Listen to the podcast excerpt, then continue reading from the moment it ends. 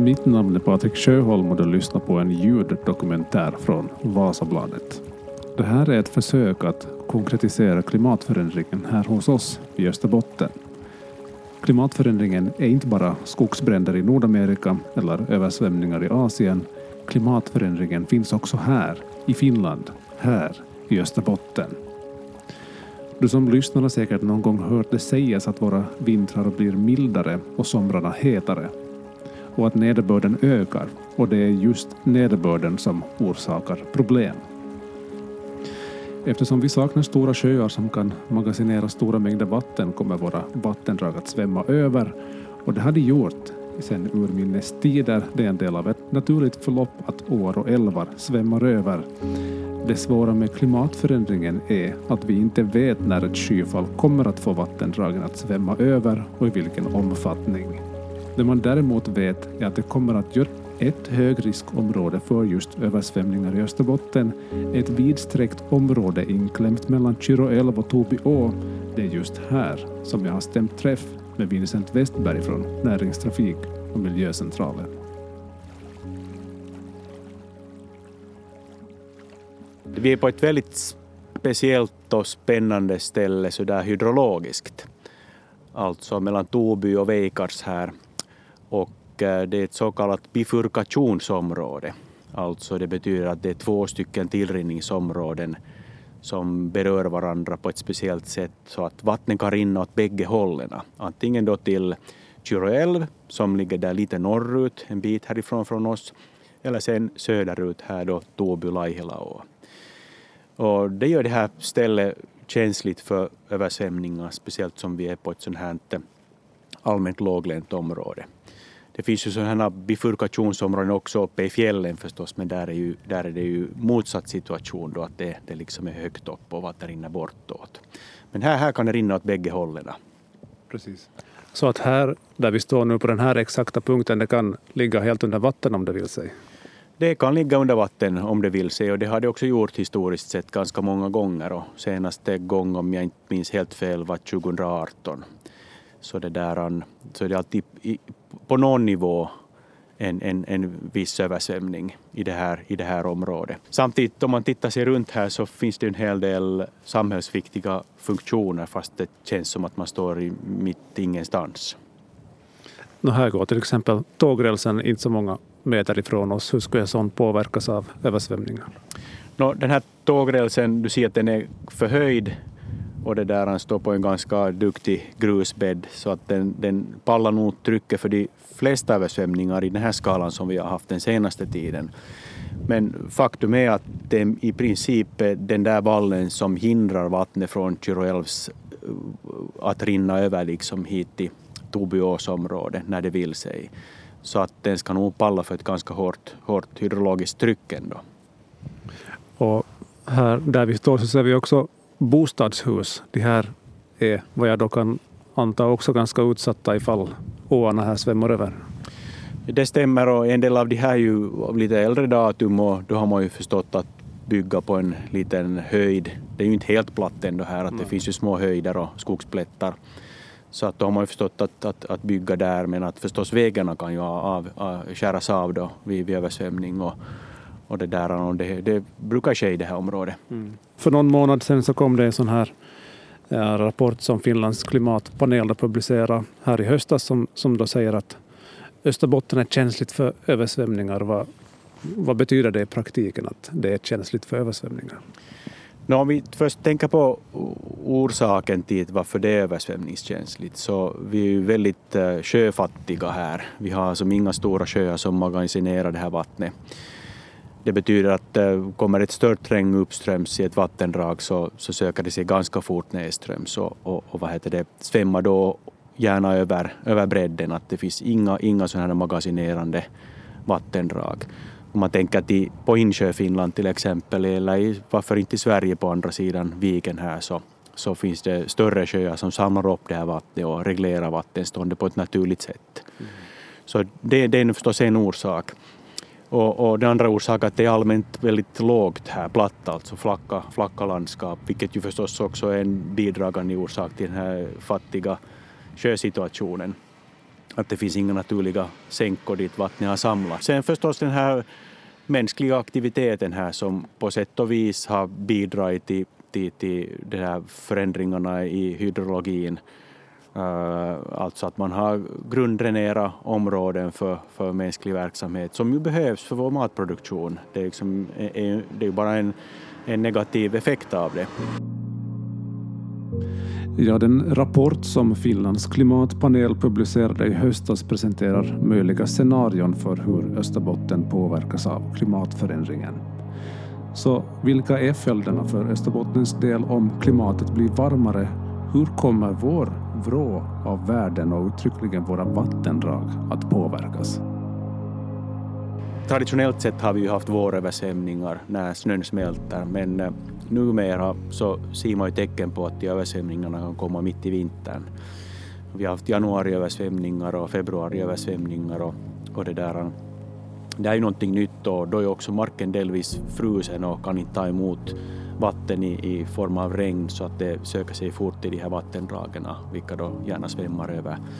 Så att en, en förändring är ju att den här, en sån här tidsförändring helt enkelt, att eh, översvämningarna följer kanske inte riktigt det här mönstret som man har vant sig vid. Sen förstås en annan förändring är att eh, i takt med klimatförändringen så tenderar den här nederbörden också att öka samtidigt som det förstås kan minska på annat håll. Det kan ju bli problem med torka annanstans men, men just i det här vårt område så, så åtminstone vintertid så verkar den här nederbörden att öka och, och, och, då ändras också liksom det här storleken på översvämningsriskerna. Hur väl anpassade är vi i dagsläget för översvämningar?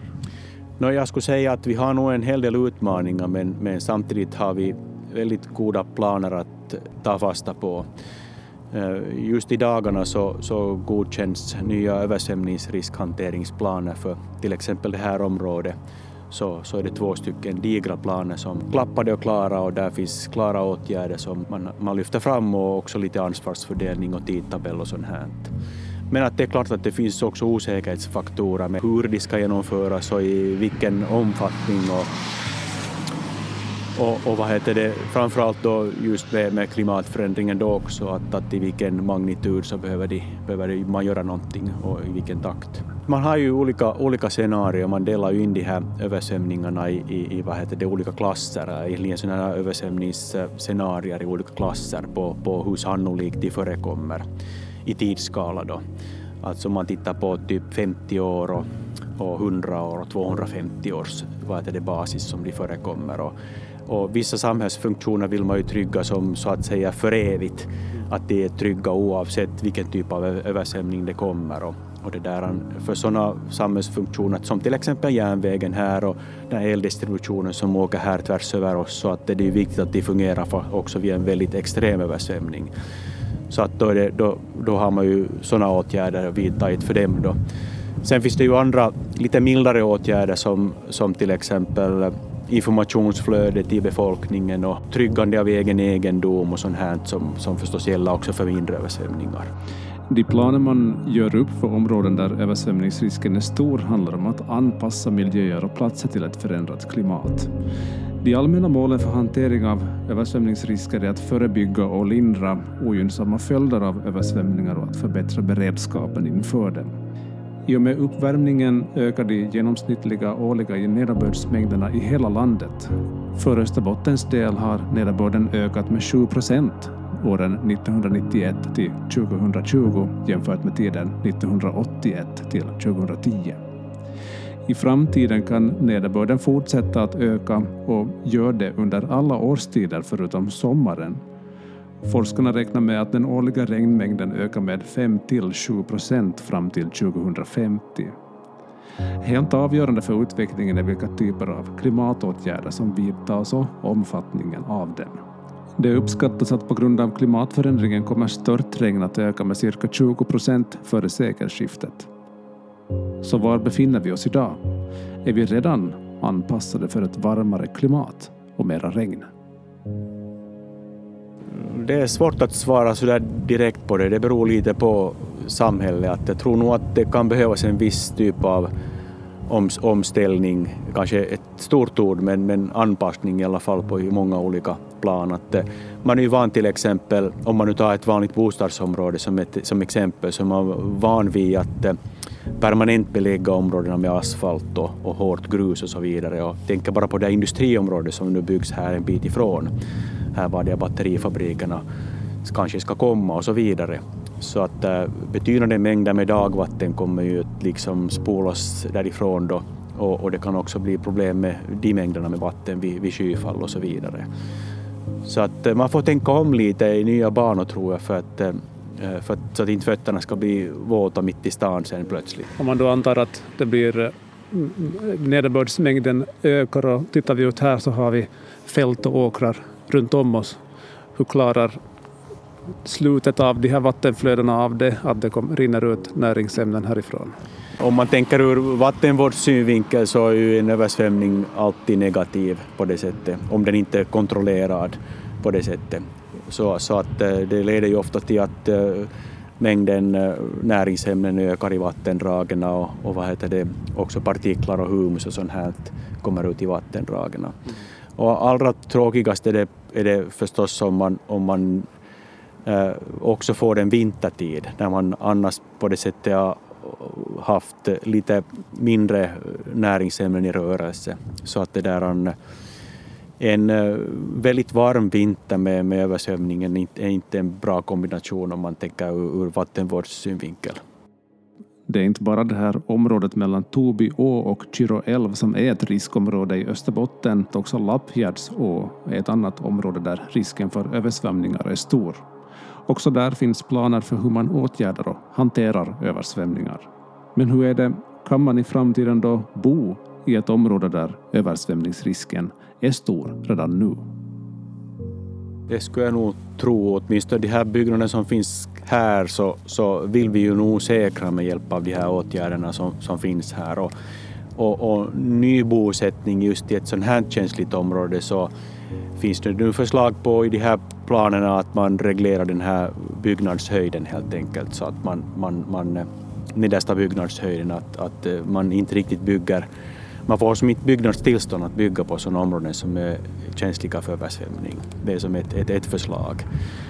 Så att det där inte så hårt kommer inte det här området att påverkas att det blir obeboeligt för att det finns ju som du säger annan jätteviktig samhällsinfrastruktur här som ju också måste fungera, järnvägen här bakom och så de här kraftledningarna här framför oss. Att försöka skapa sig en uppfattning om hur världen påverkas av klimatförändringen i framtiden handlar alltså om att man utgår från olika scenarion, allt beroende på hur vi lyckas bromsa uppvärmningen. Men våra åar och älvar fortsätter samma mönster som tidigare. Vid givna tidpunkter svämmar de över och så har det varit fram tills nu. Men kan man överhuvudtaget skilja på vad som är naturliga översvämningar och vad som är orsakat av ett varmare klimat?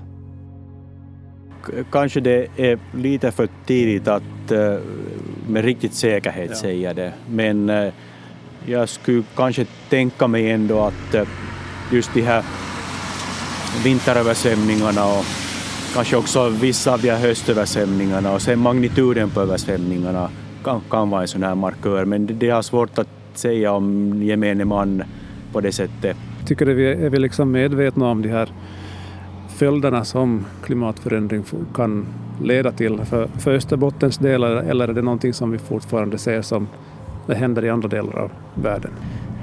Jag är inte riktigt säker på att vi helt har... Det är ändå sådana krypande förändringar det handlar om. Så att det där, jag är inte riktigt säker på att man kanske har förstått och, och jag vet inte om det är förnuftigt att köra någon sån här skrämsel Eh, informationskampanj heller, men att eh, vissa sådana förändringar ändå, ändå är, är sannolika och redan pågående. Det kan, kan vara svårt att isolera de här enskilda händelserna och tänka att det är en effekt av, av klimatförändringen. Så jag tror nog att en viss typ av information behövs ändå till, till, till gemene man här.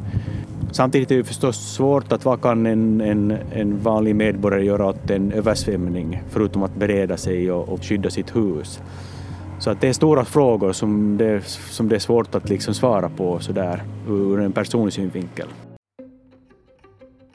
En som har anpassat både sitt liv och hus enligt översvämningsrisker är Gita Bordman i Karkmo i Korsholm. Hon är uppväxt en bit från huset där hon nu bor sedan 2008. Översvämningar både från Toby å och Kyrå har alltid varit en del av Gitas liv. Ett flera centimeter tjockt snötäcke har lagt sig över Gita Bordmans gård i Karkmo den här novemberdagen då jag besöker hennes gård. Bordmans röda stuga med de vita knutarna är inbäddad i snö. Scenen är som tagen ur ett julkort.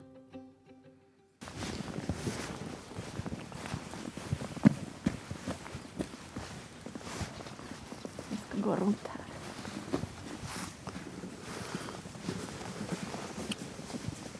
Alltså, det här är torrt.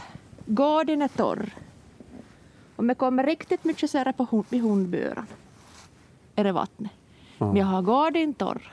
Men här har vi alltså ett å precis här. Å. Ja. Precis vid husgaveln nästan.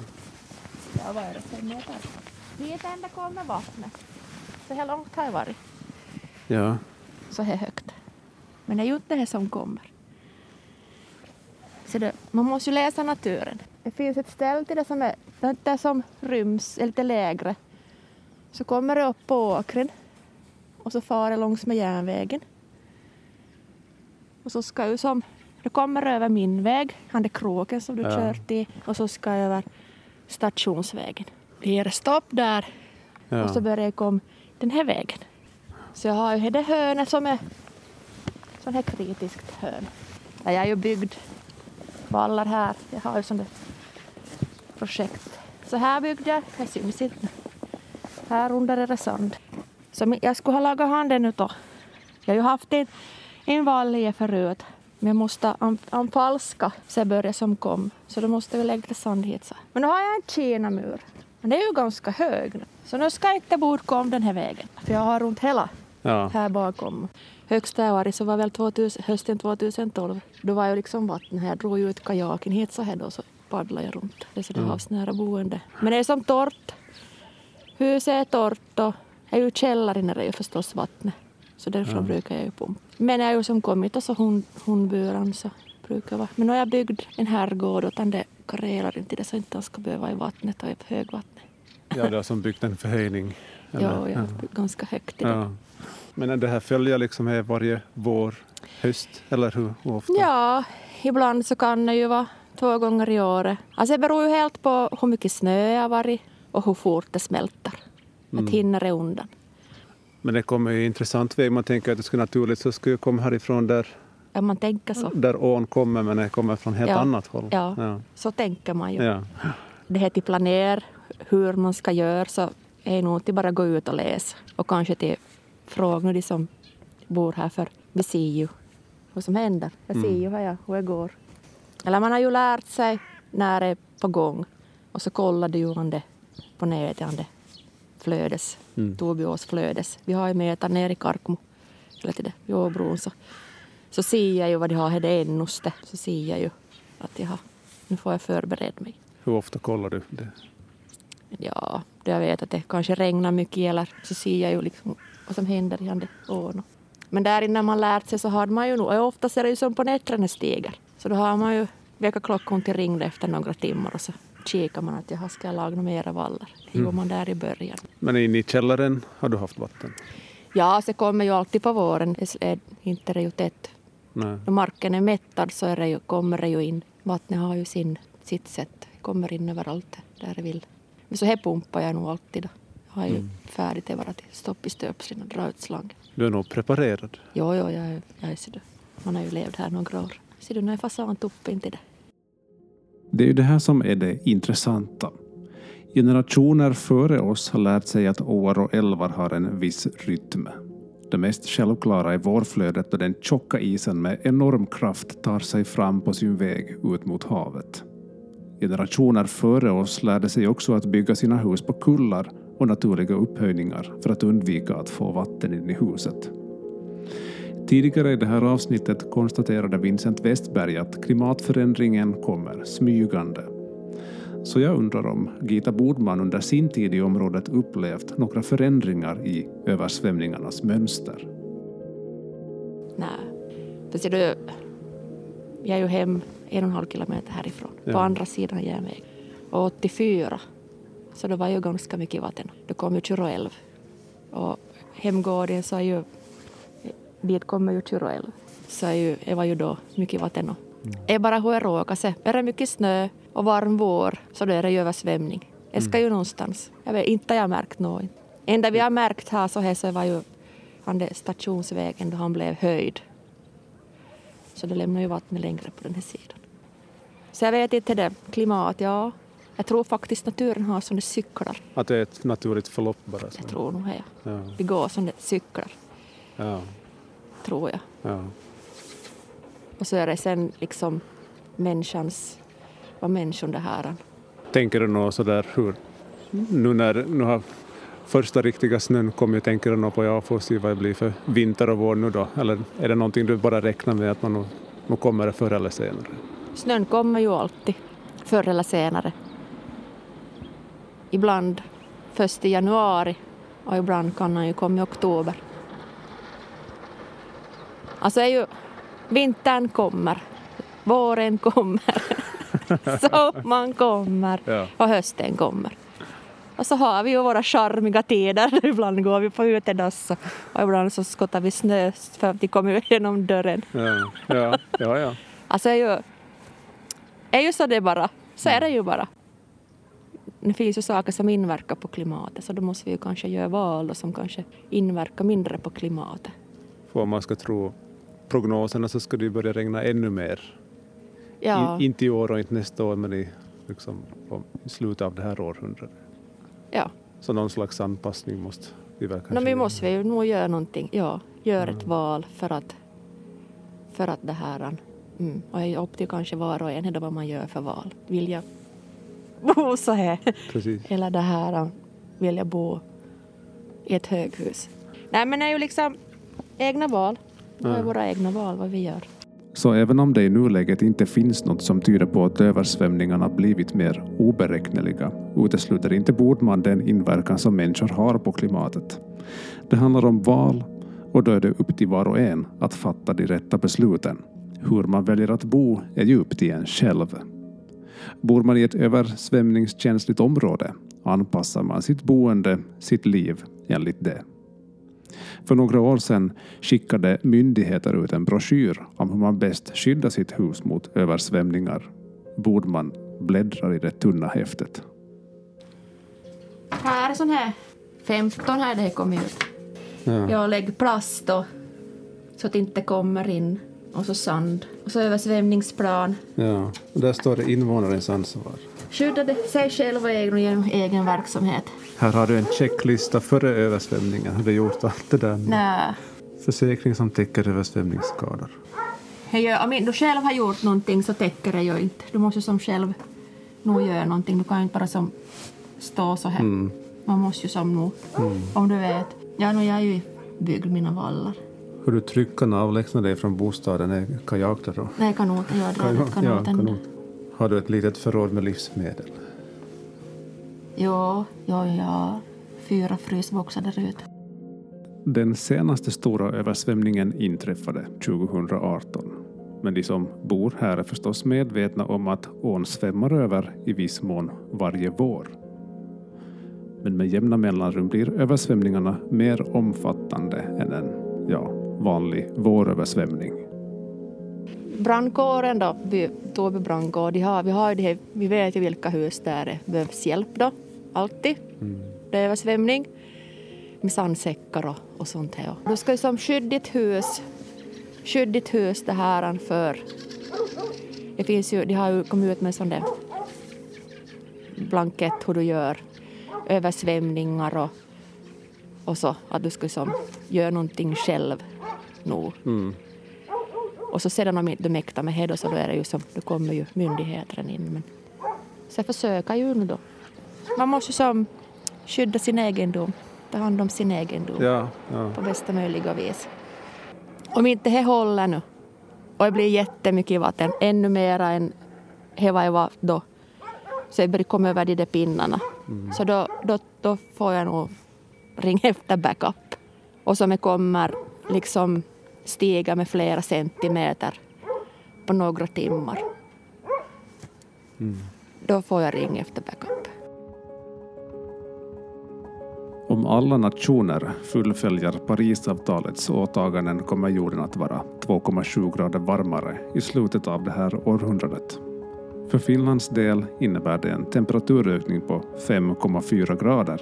Perioden 1991 till 2020 var 0,7 grader varmare än 1981 till 2010 i Österbotten. Snöiga och kalla vintrar försvinner ingenstans, men förekomsten av dem kan komma att variera. Så både nu och i framtiden så handlar det om att anpassa sig.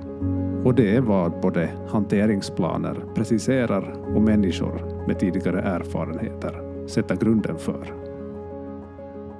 Vad ska man annars göra? Det är lite sådär bondförnuft. Och så, vi har väl valt själv till bo här. Om inte vi vill bygga vallar mm. eller gå på utedass så måste man ju flytta. Tänker du på något vis att få se om det blir vanligare eller i sådana tankebanor? Nej, jag är ju forskare. Man är ju lite kanske läser ju nog, följer med i och med att jag är ju en boom nu just med just med det här biodiversitet och klimatförändringar och hållbarhet och, och det är ju som ett paket i sig. Jag kan, jag kan inte säga, jag måste ju bara jag följer med och så måste man ju göra lite mer forskning då och kolla siffror och, och se vartåt det går. Och det där med vartåt det går är förstås inte helt enkelt. Vi är kanske vana att vilja ha kontroll och veta utgången. Med klimatförändringen är mycket väldigt osäkert. Klimatet blir varmare, det är vetenskapen rörande överens om. Takten bestämmer vi. Ingen del av världen är helt förskonad från ett varmare klimat och konsekvenserna varierar mellan kontinenter, länder och lokalsamhällen. Men alla nivåer påverkas på ett eller annat sätt. För Österbottens del är det ökade nederbörd som man måste hantera. Antingen genom att bygga skyddsvallar eller andra åtgärder som minskar risken för skador för som med så mycket annat kan vi kanske inte eliminera ett hot eller problem. Men vi kan minska riskerna.